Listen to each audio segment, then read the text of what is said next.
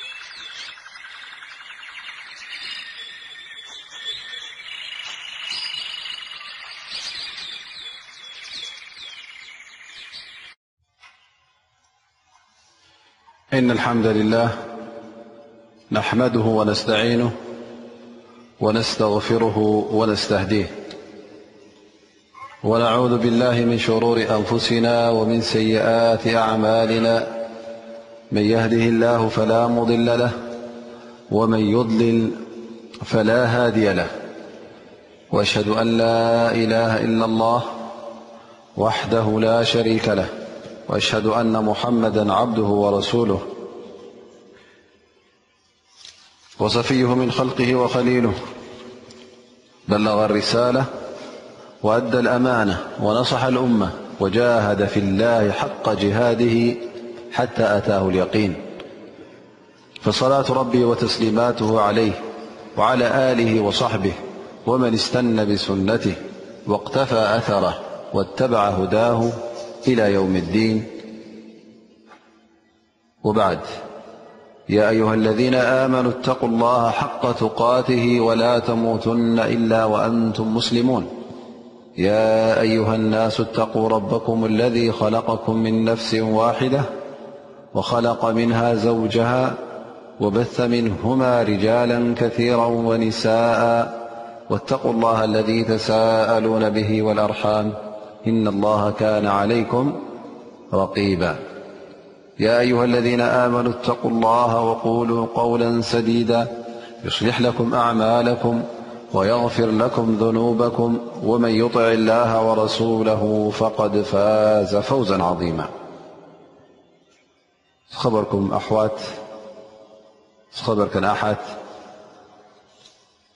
كل خمس سمعة مدبنا السلام عليكم ورحمة الله وبركاته لهم إن شاء الله تعالى حديث مبل ثلاثا شوعة أحاديث الأربعين النووية ن ديث بل الحديث السابع والثلاثون عن ابن عباس رضي الله عنهما عن رسول الله - صلى الله عليه وسلم - فيما يرويه عن ربه تبارك وتعالى قال إن الله كتب الحسنات والسيئات ثم بين ذلك فمن هم بحسنة فلم يعملها كتبها الله عنده حسنة كاملة وإن هم بها فعملها كتبها الله عنده عشر حسنات إلى سبعمئة ضعف إلى أضعاف كثيرة وإن هم بسيئة فلم يعملها كتبها الله عنده حسنة كاملة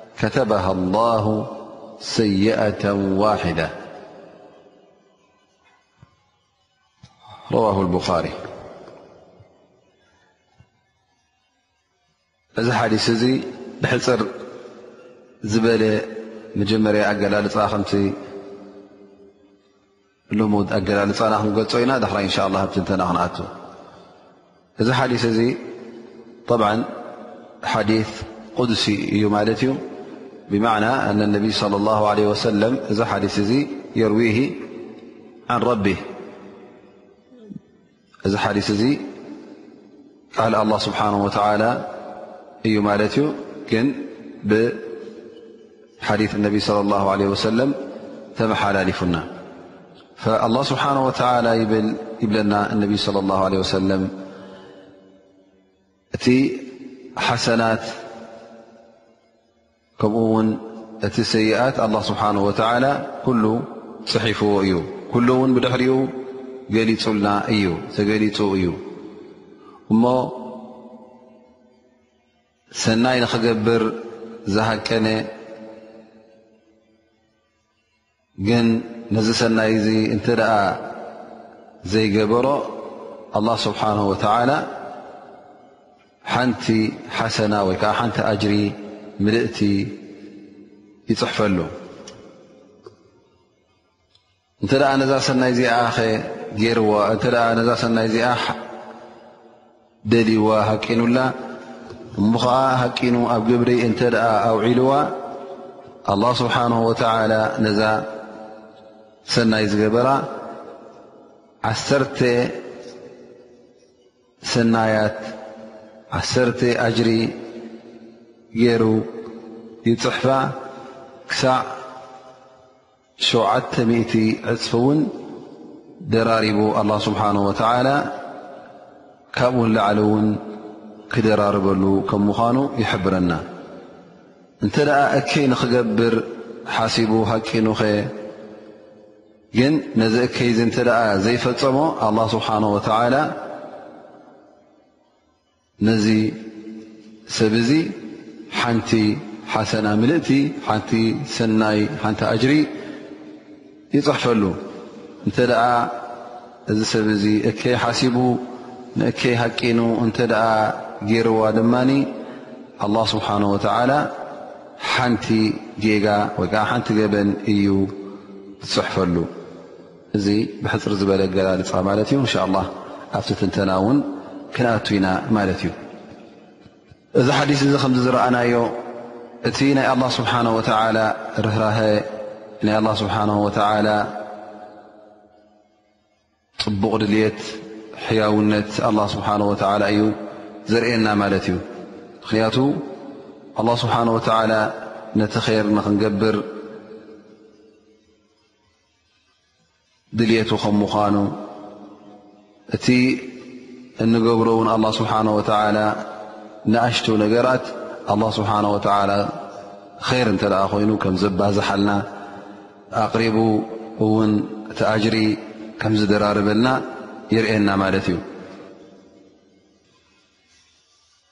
እንተ እከይ ኮይኑ ድማ እቲ ዝፈፀምናዮ ጌጋ ኣላ ስብሓን ወተዓላ ሓንቲ እከይ ጥራይ ይፅሕፈልና ማለት እዩ ከምቲ ሰናይ ደሪቡ ደራሪቡ ከምዘይፅሕፈልና ይረአልና ማለት እዩ እዘ እዚ ሓዲስ እዚ ብሓፈሽኡ እንታይ እዩ ዘርእየና ዘሎ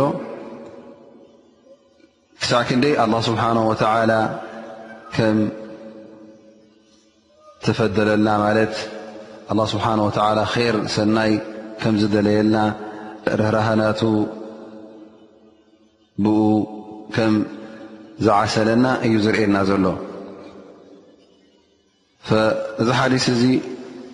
ነቲ ናይ ኣላ ስብሓን ወተዓላ ፈድሊ ናይ ኣላ ስብሓን ወተዓላ ብልፀት ንዕኡ እቲ ብልጫ ድበና ዘሎ ኣላ ስብሓን ወተዓላ ንኽንጥቀመሉ ይሕግዘና ማለት እዩ ናፍቲ ራሕማናቱ ሰፊሕ ዝኾነ ራሕማን ሙሉእ ፍጡራቱ ዝዓብለለ ራሕማ ናብኡ ንኽንጓየ እዩ ዝሕብረና ዘሎ ማለት እዩ እዚ ክንሰምዕ እንከልና ድማ ኩሉ ግዜ እቲ ተስፋ ኣብ ልብና ብልጭ ስለ ዝብል ስለ ዝበርህ እሞ ከዓ እዚ ነገር እዚ ንዓና ነቲ ሰናይ ንክንገብር ይደፋፍኣና ካብቲ እከይ ንክንቁጠብ ድማ ይሕግዘና ነቲ ኣጅሪ ክንውስኽን ክንድልብን ኣብ ኣዱንያን ኣብ ኣኼራን ሓጎስን ፍስሃን ንኸነሕልፎ እዚ ናይ ኣላ ስብሓን ወተላ ብልጫታት እንታይ ገብረና ማለት እዩ ይደፋፍኣና ማለት እዩ ከምዚ ኣብዚ ሓዲስ እዚ ዝረኣናዮ ስለዚ እቲ ቁኑጥ ዝበሃል ተስፋ ምቑራፅ ዝበሃል ንኸይህልወና ምኽንያቱ ሓንቲ ሰናይ ንክትገብር ከለኻ እተ ናብ ዓሰተ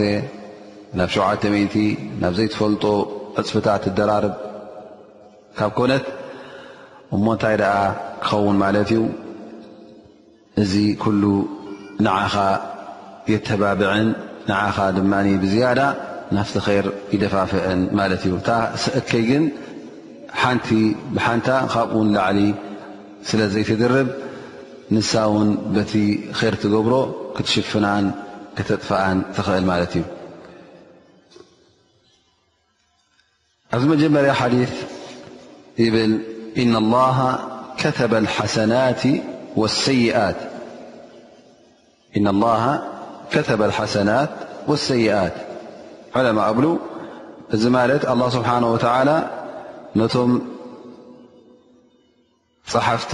ኣጽናዕቲ መላኢካታት ንዕኦም ንኹሉ ነገራት ሰናይን እከይን ኩሉ ንኽጽሕፍዎ ኣዚዝዎም ማለት እዩ ወይ ከዓ ኣላ ስብሓን ወተዓላ ኣብቲ ሰፊሕ ፍልጠቱ ኣብቲ ፍፁም ፍልጠቱ ንኹሉ ነገራት ከም ዝቐደረ ከመይ ክኸውን ከም ምዃኑ፣ ከመይ ክርከብ ከም ምዃኑ ኩሉ ኣብ ፍልጠቱ ጭሩስ ከም ዝነበረ ዘርኢ ይኸውን ማለት እዩ። ኢዘን ኣላ ስብሓን ወተዓላ እቲ ሰናይን ትእከይን ኩሉ እፈልጦ እዩ እንታይ ከም ምዃኑ፣ ኣበይ ክርከብ ከም ምዃኑ፣ ኣበይ ሰዓት ክርከብ ከም ምዃኑ እዚ ትርጉም እውን ክንህባ ንኽእል ይብሉ።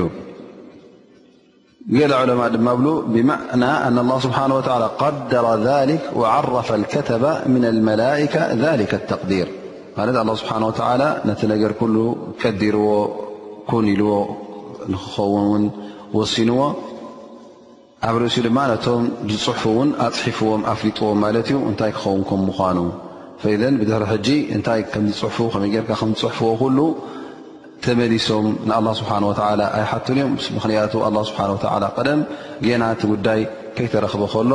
ስለ እተጻሕፈ ድርበሉ ይውስኸሉ ማለት እዩ ላሁ ዩضዕፉ ልመን የሻእ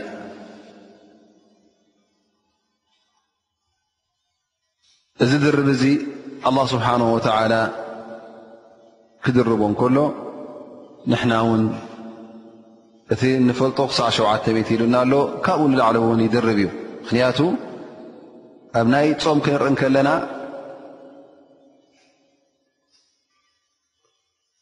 ኩሉ ዓመል እብኒ ኣደም ለ ኢላ ሶም ኣላ ስብሓን ወተላ ኢሉ ኩሉ ተግባራት ወዲ ኣዳም ዝገብሮ ንዕኡ እዩ ብጀካ ፆም ፆም ድማ ንዓይ ኢሉ እዩ ትፀውም ካባይ ዝሕባእ ነገር ስለ ዘየለ ክፀውሙ ከሎ ንዓይ ፈሪሁ ወላ እውን ኣብ ሰብ ዘይርዮ ቦታ ይሃሉ ኣብ ግዜ ሕቡእ ቦታ ኣብ ሕቡእ እዋን ወላ እውን ይሃሉ ንዓይ ኣኽቢሩ ቃለይ ንምስማዕ ስለ ዝፀውም ኣላ ስብሓን ወተላ ይብል ኢላ ኣሶውም ፈኢነሁ ሊ ወኣና ኣጅዚ ብሂ ፆም ንዓይ ጥራይ ስለ ዝኾነ ኣነ ውን ባዕለይ እየ ፃምኡ ዝኸፍሎ እዘን ፃማ ናይ ፆም ድማ ሊላህ ኢልካ ክትፀሙ ከለኻ ሙሉእ ዘይጉዱል ጌርካ ክትፀውሙ ከለኻ ፍርሃ ኣላ ስብሓን ወላ እናርኣኻ ክትፀውሙ ከለኻ ኣላ ስብሓን ወተዓላ እቲ ዝህበካ ፃማ ባዕሉ ጥራይ እዩ ዝፈልጦ ደረት ኣይገበረሉን ኣይወሰነሉን ኣብ ዓሰርተ ኣብ ዕስራ ኣብ ሰብዓ ኣብ ሸውዓተ ሚእቲ ይበለናን እንታይ ደኣ እዚ ነገር እዚ ናባይ ግደፍዎ ኣነ ባዕለ እየ ዝውስኖ ኢሉና ኣላ ስብሓንሁ ወተዓላ ኣማ ልሃሙ ብሰይኣ ንእከይ እንተ ደኣ ሓደ ሰብ ሓሲቡ እሞ ኸዓ ነዛ እከይ እዚኣ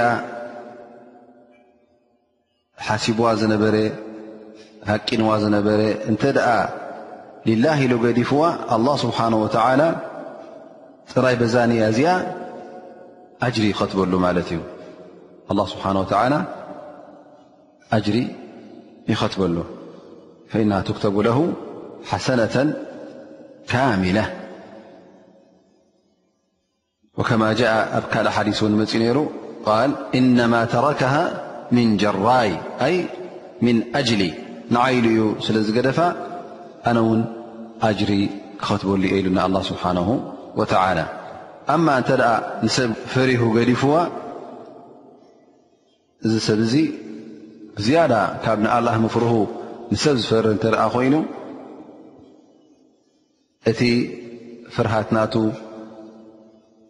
ስርዓት ስለ ዘይሓዘ እዚ ሰብ እዚ ተጋግዩ ማለት እዩ ፈኢነሁ የእተም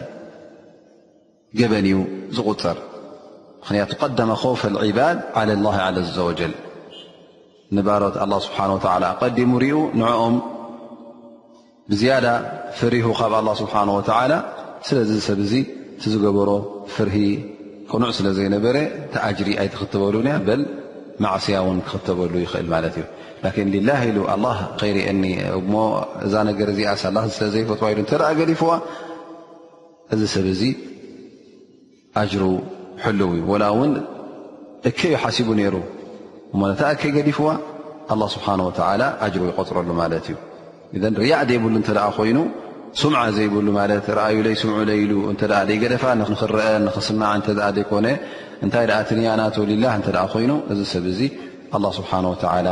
ኣጅሩ ይሕልወሉ እዩ ላኪን ሓደ ሰብ እንተ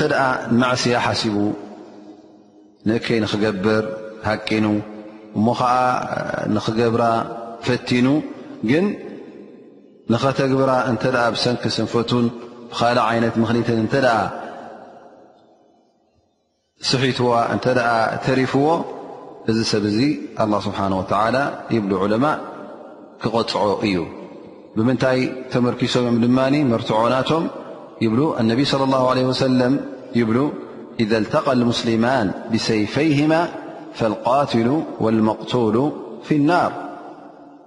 قلت يا رسول الله هذا القاتل فما بال المقتول قال إنه كان حريصا على قتل صاحب مرتعنم ዚ قال انبي صلى ال علي سلم خلت سلمي بسيفم ج نج ተራኺቦም ንክቃተሉ ማለት እዩ ይብሉ ነቢ ስለ ላ ሰለም እቲ ታልን ተቐታልን ኩሎም ቀታልን ቅትሉን ማለት እዩ ኩሎም ንጀሃንም እዮም ንእሳት እዮም ኢሎም ነቢ ስለ ላ ሰለም እቲ ዝሰምዕ ነበረ ሓደ ካብቶም ኣስሓብ ነቢ ስለ ላ ለ ወሰለም ይሓትት ማለት እዩ ያ ረሱላ ላ እቲ ዝቐተለስ ፈሊጥና ምኽኒትናቱ እቲ ጀሃንም መእተዊኡ ገሃንም መእተዊኡ ፈማ ባሉ መቕቱል እቲ ተቐተለ ድኣ እንታይ ገይሩ ነቢ ስለ ላ ለ ወሰለም ይብል እዚ ሰብ እዚ ንኽቐትል እውን ተበጊሱ ነይሩ ንኽቐትል ሃቂኑን ደልዩን ስለ ዝነበረ እዚ ድሌት እዚ እውን ስለ ዘተግበሮ ግን ብሰንኪ ስንፈቱ ስለ ዝተረፎ እዚ ሰብ እዚ ልክዕ ከምቲ ቀታሊ እውን መቕፃዕቲ ኣለዎ ኢሎም እነቢ ለ ላ ለ ወሰለም እማ እንተ ደኣ እቲ ማዕስያ ሙጀረድ ኻጢራ ማለት ከምዚ ኣብ መንጎ ዝመፀካ ሓሳብ እንተ ኮይኑ ኣብ ልብኻ ዘይ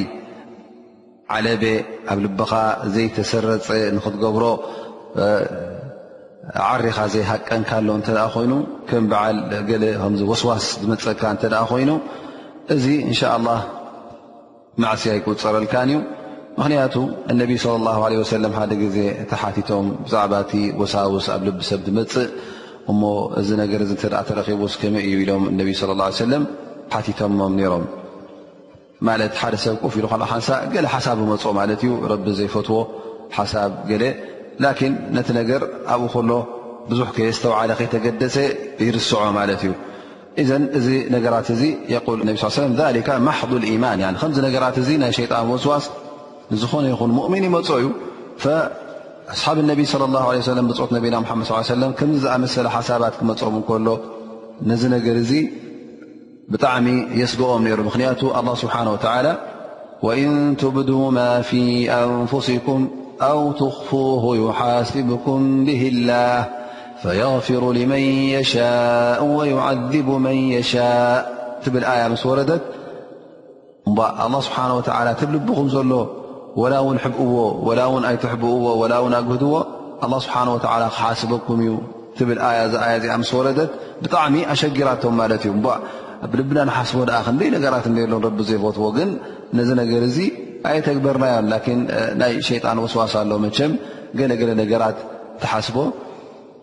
ረቢ ዘይፈትዎ ነገራት ግን ከየተግበርካዮ ከለካ እተ ኣ ስብሓ ወ ክሓስበካ ኮይኑ ስብሓ ክቆፃፀረካ ኮይኑስ እዚ ነገራት ኣ ከመይ ገርና ኢና ኢሎም ብጣዕሚ ተሸጊሮም ማለት እዮም ላ ስብሓ ወ እታ ኣብ መጨረሻ ሱረት በራ ትርከብ ረበና ወላ ትሓምልና ማ ላ ጣቀ ለና ብህ ትብል ኣያ ምስ ኣውረደ እቲ ኣብ ልብኻ ዝመፀካ ወስዋስ እሞ ኸዓ ክትደፍኦ ዘይትኽእል ምኽንያቱ እዚ ነገር እዚ ክውን ስለ ዝኾነ ህልው ስለ ዝኾነ ኣላ ስብሓን ወተዓላ ነዚ ነገር እዚ ከምዘይሓስበና ሓቢሩ እነቢ ስለ ላ ለ ወሰለም እውን እዚ ነገር እዚ ዘንቢ ከምዘይብሉ ምኽንያቱ ሓሳብ ኣብኡ ከሎ ሰለል ኢሉ ዝሓልፍ እዩ ድኣ እምበር ድልት ናይ ብሓቂ ህቀና ናይ ብሓቂ ይኮነን ኣብ ልብኻ እውን ኣይተሰረፀን እቲ ኣብ ልቢ ዝስረፅ እውን ኩላህና ከም እንፈልጦ ሓድሓደ ነገራት ኣሎ ካብ እስልምና እውን ክውፃእካ ዝኽእል ምክንያቱ ሕና ሕጂ ኣበይ ዘሎ ትዘረባና ማለት እዩ ኣብቲ ኣብ ልቢ ሰብ ዝስረፅ ዓዚማ ጌርካ ንያ ጌርካ ከም እምነት ኮይኑ ከም ሓደ ነገር ንኸትተግብሮ ብጣዕሚ ድልት ኣለካ ኮይኑ መዓልቲ ትፅበየሉ ወይ ከዓ ንኸተግብሮ ዕድል ትፅበየሉ እተ ኣለካ ኮይና እዚ ነገራት እዚ እንተ ኮይኑ እተፈላለየ ውሳነ ይወሃብ ማለት እዩ እንተ እዚ ነገር እዚ ካብቲ ናይ ልቢ ተግባራት ኮይኑ ኣማል ሉብ ንኣብነት ከም ሓደ ተግባራት ኣሎ ወይ ከዓ እቲ ኣ ስብሓ ካባና ዝጠልቦ ገለ ነገራት ብልብኻ ክትኣምነሉ ዝግባእ ኣሎ እሱ ከዓ ኣላህ ስብሓን ወተዓላ እቲ ናይ ዋሕዳንያ ሓደ ከም ምዃኑ እቲ ናይ ኢማን ቢላህ ወቢረሱሊህ ወብልመላኢካ እቲ ኩሉ ኣርካን ኣልኢማን ዝበሃል ብልብኻ ክትኣምኖ ዘለካ ኣሎ እንተ ደኣ ኣብዚ ነገር እዚ ጥርጥር ኣለካ ኮይኑ ኣብ ሓደነት ኣላህ ስብሓን ወተዓላ ኣብቲ ልኡኻት ኣላ መልእኽቲ ኣላ ስብሓን ወተዓላ ኣብ መዓልቲ ቅያማ ከም ዝመፅእ እንተ ቁሩብ ነዚ ነገር እዚ ትጥርጥረሉ ወይ ከዓ ኣብ ጥርጠራ ኣለኻ ኮይንካ እስኻ ናይ ብሓቂ ኢማን የብልካን ማለት እዩ ምክንያቱ ጥርጠራ ንገዛእ ርእሱ ምስ እምነት ዝገራጮ እዩ ስለዚ ገዛእ ርስኻ ወይ ሙናፍቕ መናፍቕ ክትከውን ኢኻ ወይ ከዓ ክሓዲ ኢኻ ማለት እዩ ካብ ዲን ዝወፃእካ ማለት እዩ ምክንያቱ እቲ ቐንዲ ናብ እስልምና ናብ እምነት ዘእትወካ እንታይ እዩ ናይ ብሓቂ በቲ ሓደ ኣላ ስብሓን ወተዓላ ንሱ ከም ፈጣርን ኸላቕን ኮይኑ ንሱ እውን እቲ ሓደ እንኮ ኣምልኾት ክወሃብ ዝግባእ ጎይታ ከም ምዃኑ ክትኣምን እዩ ዘለካ ልኡኽ ኣላ ስብሓን ወተላ ውን መሓመድ ነቢና ሓ ሰለም ከም ምዃኑ ካልኦት ልኡኻን ውን ከም ዝነበሩ ዮም ልቅያማ ከም ዘሎ እዚ ኩሉ ነገራት መላእካ ከም ዘለዉ ብጭብጢ ብሓይሊ ብዘይ ጥርጥር ክትኣምን ኣለካ እንተ ንእሽተይ ጥርጥር ኣለካ ኮይኑ ኣብዚ ነጥብታት እዚ ንስኻ ንገዛእ ርእስኻ ኣብ መድረኽ ናይ ኒፋቅ ሙናፍቅ ኢኻ ወይከዓ ኣብ ናይ ክሕደት ኢኻ ዘለኻ ድኣ እምበር ኣብ እስልምናን ኣብ እምነትን ኣይኣተኻን ማለት እዩ እንተ ደኣ እዚ ነገር እዚ ኸ ካብ ኣዕማል ኣልቁሉብ ወይከዓ ተግባራት ናይ ልቢ ዘይኮነስ እንታይ ደኣ ናይ ኣካል ተግባር እንተ ኮይኑ ማለት ሓደ ሰብ እቲ ዓዚማ ወይ ከዓ እቲ ድልት ንያ ናቱ ናይ ብተግባር ዝግበር እተ ኮይኑ ንኣብነት ከም በዓል ስርቂ ወይ ከዓ መስተ ምስታይ ወይ ከዓ ናይ ዝሙና ዝኣመሰለ ምቕታል ገለ እዚ ኩሉ ረቢ ዝህቦት ነገር ንኽገብሮ እንተ ድልት ነይርዎ ኮይኑ ግን ነዚ ነገር እዚ ኣየተግበሮን ናይ ብሓቂ ድልት ኣለዎ ንክገብሮ ዕድል ፅበየሉ ወይ ከዓ ንይ ኣለዎ ግን ኣየተግበሮን እሞ እዚ ሰብ እዚ እንታይ ይኸውን ሃል በዓል ዘንብዲ ድቁፅር ወይስ ክሳዕ ዘተግብሮ ፀንሕቲ ጉዳይ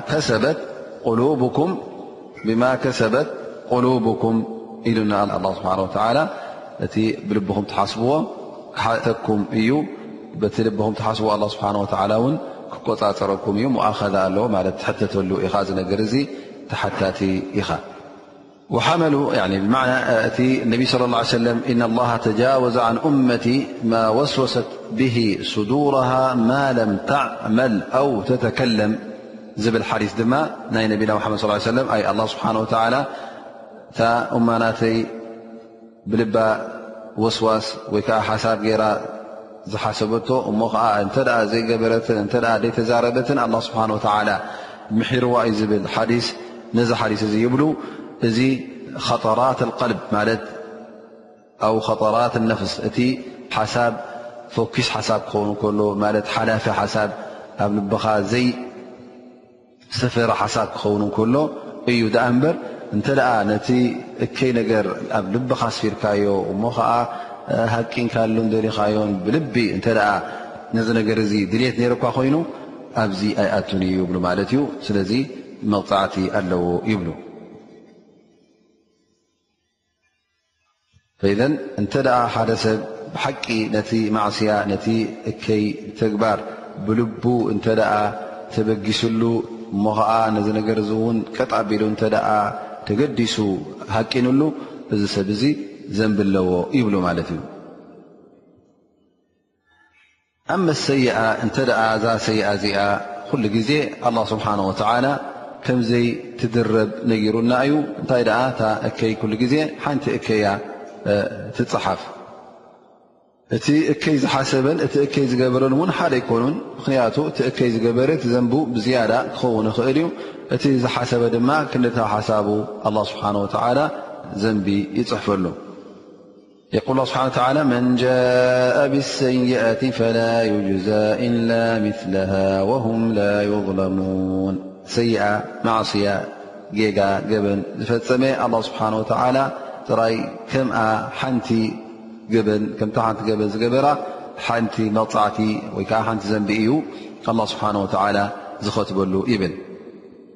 ሓታ ኣብዛ ሓዲስ እዚኣ እውን ወኢን ዓመላሃ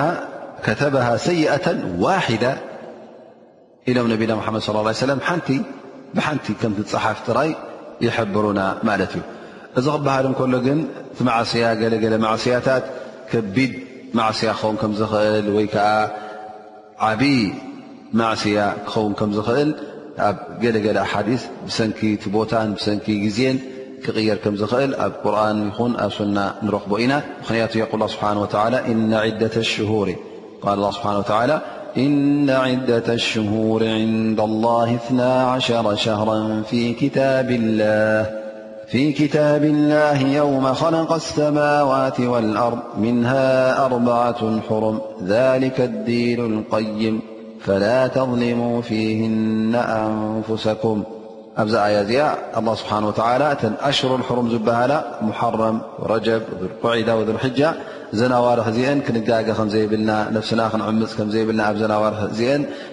ብዝያዳ ኣላ ስብሓን ወተላ ኣጠንቂቑና እዩ ምኽንያቱ እቲ ገበን ኣብአን ዝግበር ኣዕም ኣክበር ዓብን ገዚፍን ከም ዝኾነ ትሕብር ማለት እዩ ከምኡውን እዚ ሕጂ እቲ ናይ ግዜ ማለት እዩ ወይ እውን ቦታ እውን ይውስን እዩ ምኽንያቱ ኣብ መካ ጌጋ ክትፍፅም እንከለኻ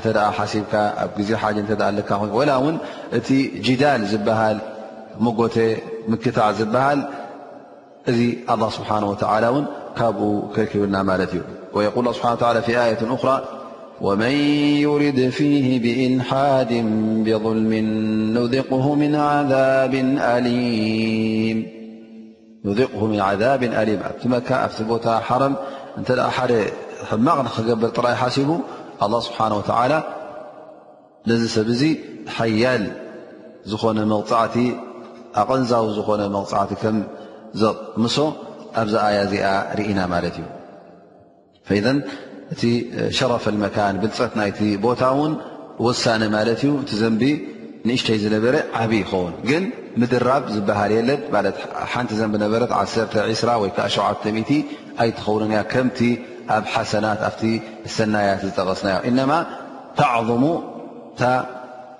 ተክብሩ ማለት እዩ እታ ነገር ትዓብን ትገፍሕን ማለት እዩ ወይ እውን ሓደ ሓደ ግዜ እቲ ዘንቢ ብሰንኪ ቦታ ወይ ከዓ እቲ ክብሪ ናይቲ ወዲ ሰብ ክኸውን ይኽእል ላ ስብሓን ወላ ነተ ኣንስቲ ነብይና ሙሓመድ ለ ላ ለ ወሰለም ንሰን ከም ካልኦት ደቂ ኣንስትዮ ከም ዘይኮና እሰን እንተ ገበን ፈፂመን እውን ናተን ገበን ቀሊል ከም ዘይኮነ ከምቲ ናይ ካልእ ሰብ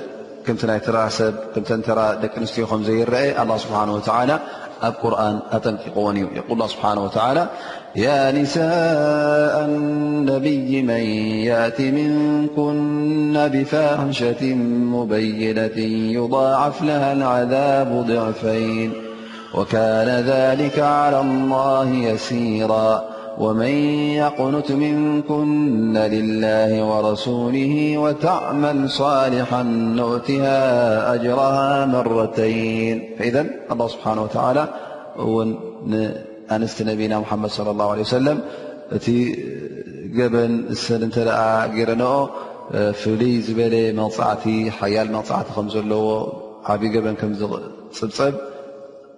ኣላ ስብሓን ወተላ ሓቢሩ ማለት እዩ ከም ተራ ደቂ ኣንስዮ ከምዘይኮና ኣጠንቂቕዎን ኣላ ስብሓን ወላ እዘ እቲ ሰብ እውን ተፈለየ ክብሪ እንተ ኣለዎ ኮይኑ እዚ ሰብ እዚ ክጥንቀቕ ኣለዎ ማለት እዩ ሓዲትና በዚ